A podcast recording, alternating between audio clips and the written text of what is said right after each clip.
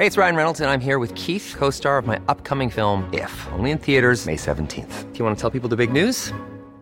All right, I'll do it. Sign up now and you'll get unlimited for $15 a month in six months of Paramount Plus Essential Plan on us. Mintmobile.com slash switch.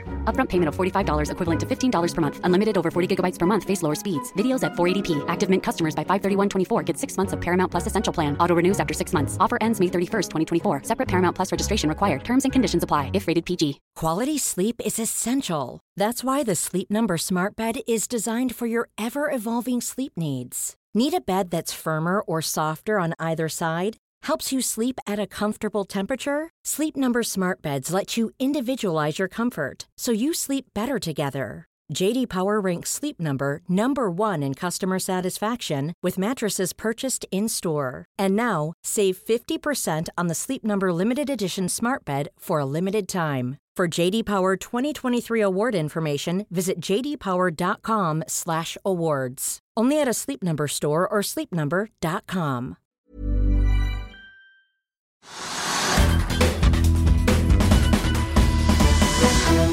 Nå skal vi til et av Norges største selskaper, og i hvert fall en av de som tjener mest og betaler mest eh, skatt her i landet. For på ett år har de mer enn doblet inntektene sine fra 5,8 til 13,2 milliarder kroner takket være skyhøye olje- og gasspriser.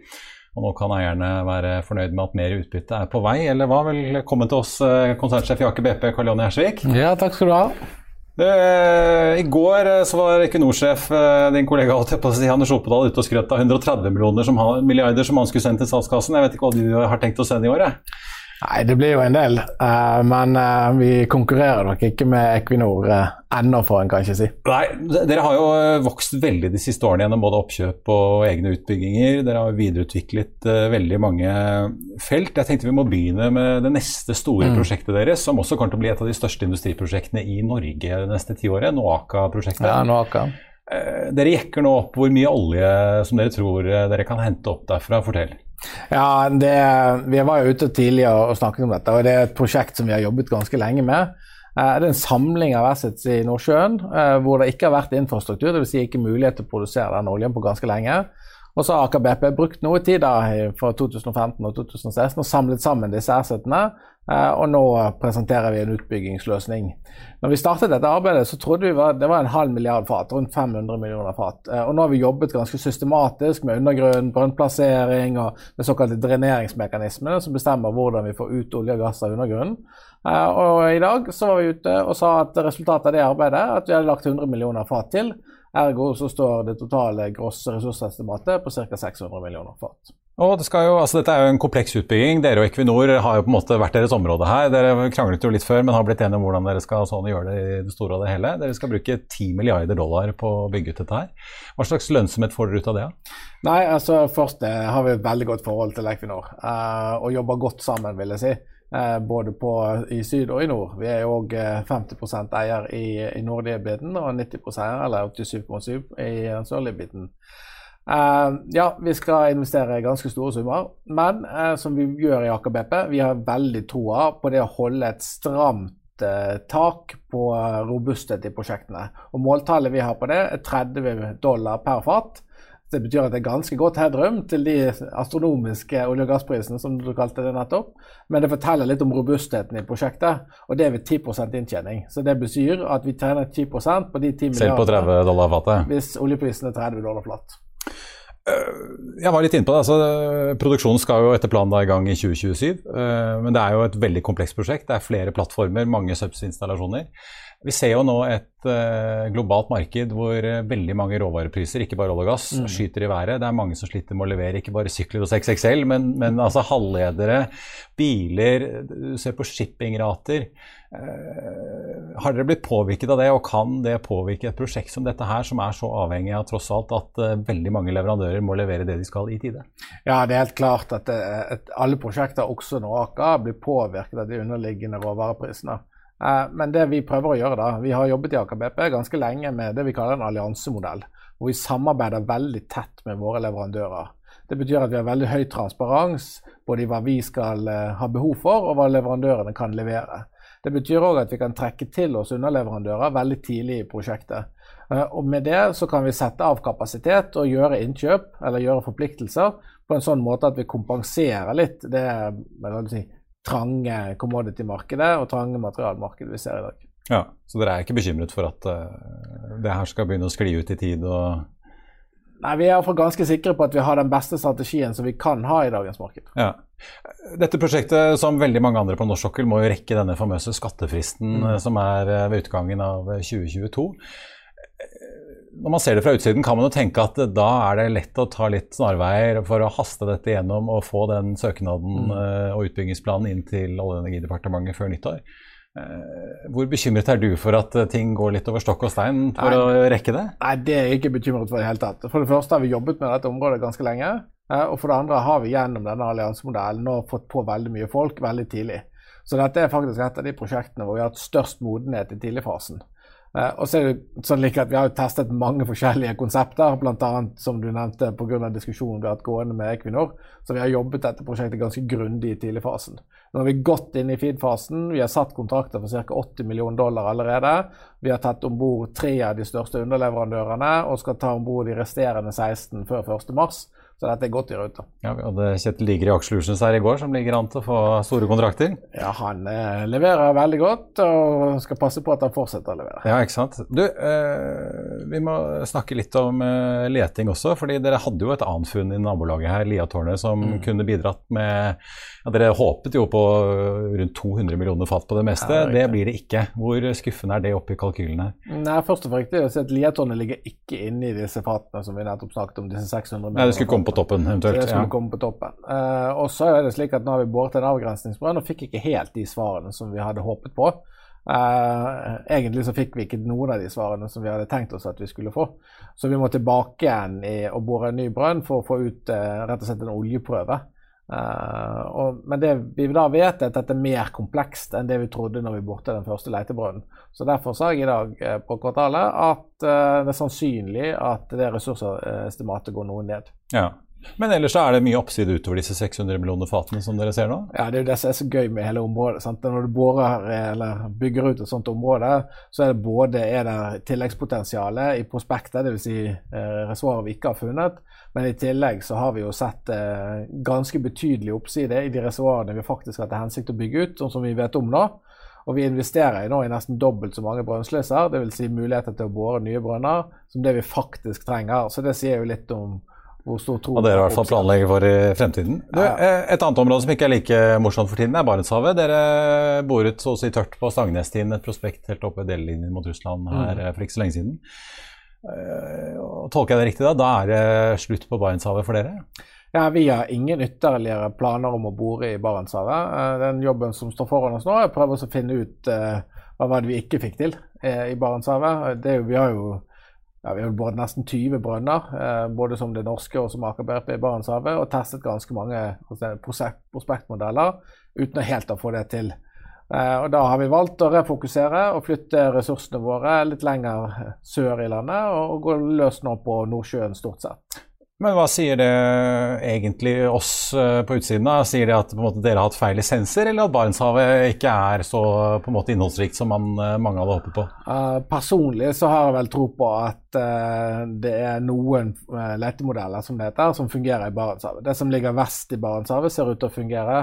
det er samme område som Castberg og Goliat osv. Og, så og nord i Barentshavet med Wisting og disse ser ut til å fungere, men der har vi hatt brønner sentralt plassert og på den østlige marginen, det ser ikke ut til å ha fungert. Nei. Det, men er det sånn dere vurderer å gjøre et comeback senere om noen år, eller er det Vi er jo alltid oppe til neste, Marius. Ja. Så uh, du skal aldri si aldri, men akkurat nå er det ingen planer. Det, uh, litt mer finansielt og børsrelatert, uh, så har jo meldingen kommet om at Eni og Hightech Vision vurderer å børsnotere Vår Energi. Mm. Dere har jo rikelig med kapital i Aker. Vurderer dere å kjøpe, eller? Eh, ja, Det kan jeg bare ikke kommentere, men vi håper jo at uh, hightech uh, kommer på børs. Vi liker jo konkurranse. Vi liker jo virkelig og tror virkelig på at det å konkurrere mellom selskaper som er noenlunde like i struktur, bringer hele industrien forover. Så vi ønsker dem lykke til og håper de virkelig får det til. Ja, for det, i dag har vi jo, De er jo private. Lundin er notert i Stockholm, dere er notert i Oslo og er jo en litt annen kategori enn Equinor, som har en så stor statlig eier. Eh, blir det litt konkurranse om i neste år, da? Ja, Det er klart det blir litt konkurranse, men det syns vi jo bare gøy. Vi har jo til hensikt å bli det ledende selskapet, så da er det jo greit å ha noen å kunne konkurrere mot. Vi må snakke om dette utbyttet ditt, for det skal jo renne over aksjonærene. Eh, får vi jo nesten si. Det, altså, dere øker eh, utbyttet på årsbasis fra 450 til 600 millioner dollar. Mm. Men spoler man tilbake til før pandemien, rett så hadde jo dere en kapitalmarkedsdag på starten av 2020 hvor dere jekket opp fra, fra 750 til 850 millioner dollar. Mm. Så gjorde dere som så å si alle andre oljeselskaper, bråbremset alle utbytter og mange investeringer for å prøve å passe på kontantstrømmen. Eh, kommer vi tilbake til 850 millioner dollar utbytte fra dere, tror du? Ja, Nå har vi jo eh, etablert en eh, kapitalallokeringspolicy der som veldig tydelig og veldig enkelt kommuniserte til markedet, som handler om å skaffe seg finansiell robusthet gjennom å bevare den ratingen som vi har. Eh, investere i de prosjektene, som er ganske betydelige. Vi snakker om 135-140 milliarder norske kroner de neste fem årene. Eh, og I tillegg skal vi betale utbytte til aksjonærene. Og som du påpeker, så har vi økt det årlige utbyttet fra 450 til 600 millioner dollar med effekt fra Q3. Uh, og Det mener vi at det en, er både plass til innenfor den kapitalallokeringspolicyen som vi allerede har implementert, og vi mener òg at vi gjennom det etablerer et godt og robust selskap som også kan tåle volatilitet i oljepriser fremover. Ja, for altså, Ser man på kontantstrømmen din, så altså, det, det, det, renner jo inn penger. Men det er jo klart selvfølgelig da med veldig høye priser. Du sitter jo igjen med rundt 500 millioner dollar etter etter at du har betalt både investeringer og utbytte i dette kvartalet, holder dere litt igjen på utbytteøkningen for å se an litt hvordan eh, markedsutviklingen egentlig blir eh, fremover? Jeg tror man skal, som vi ofte gjør i olje- og gassindustrien, så blir vi veldig kortsiktige. Uh, men dette er egentlig en langsiktig industri, og du skal jo ikke mer enn et år tilbake enn før oljeprisen og, hele market-outlooken så helt annerledes ut. Så vi må forvente at det blir stor volatilitet også fremover. Det tar vi høyde for når vi eh, etablerer denne policyen. Vi vil ha et rød selskap som skal være robust, langsiktig, på 40 dollar, eller rett over 40 dollar, og det ligger til grunn også i denne policyen. Til slutt eh, tenkte jeg vi må snakke litt om energisituasjonen. altså Det som egentlig ligger bak de voldsomme prisene som mm. vi ser eh, på olje og gass om dagen. I går snakket jeg med Anders Oppedal i Equinor, som sa rett ut at det har vært underinvestert i olje og gass eh, egentlig siden 2014, da den første oljebremsen kom. Og så kom jo selvfølgelig da koronapandemien på toppen. Ja. Hvilke refleksjoner gjør du deg rundt både ditt eget selskap og bransjen når du ser der, den voldsomme appetitten etter ja, bl.a. gass, da, når eh, kraftsituasjonen i Europa er litt presset?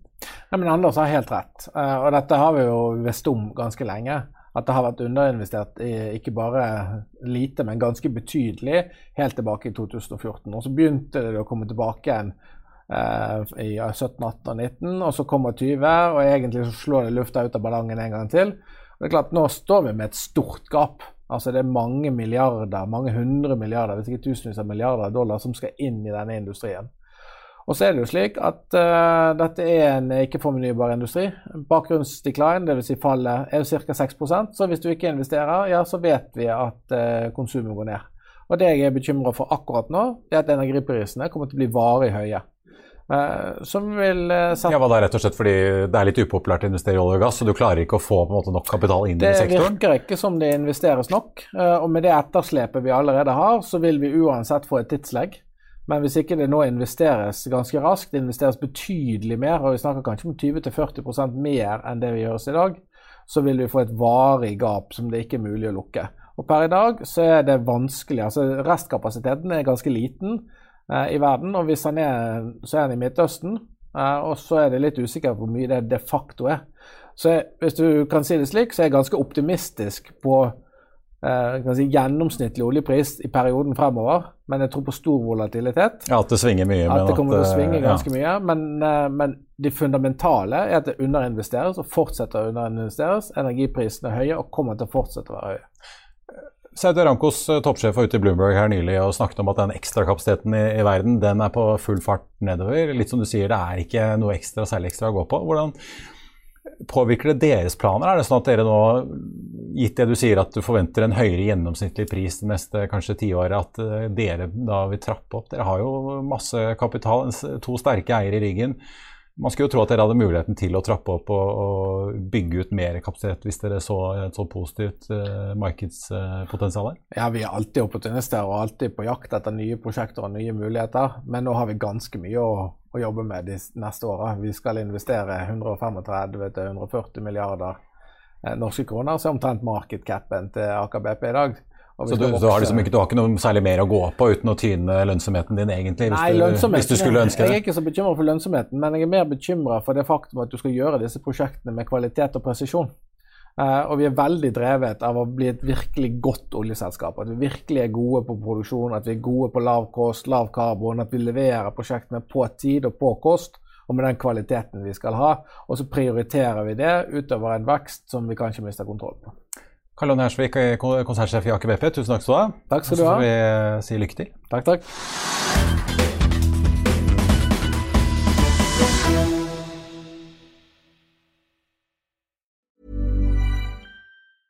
Hey, it's Paige DeSorbo from Giggly Squad. High quality fashion without the price tag. Say hello to Quince. I'm snagging high-end essentials like cozy cashmere sweaters, sleek leather jackets, fine jewelry, and so much more. With Quince being 50 to 80% less than similar brands.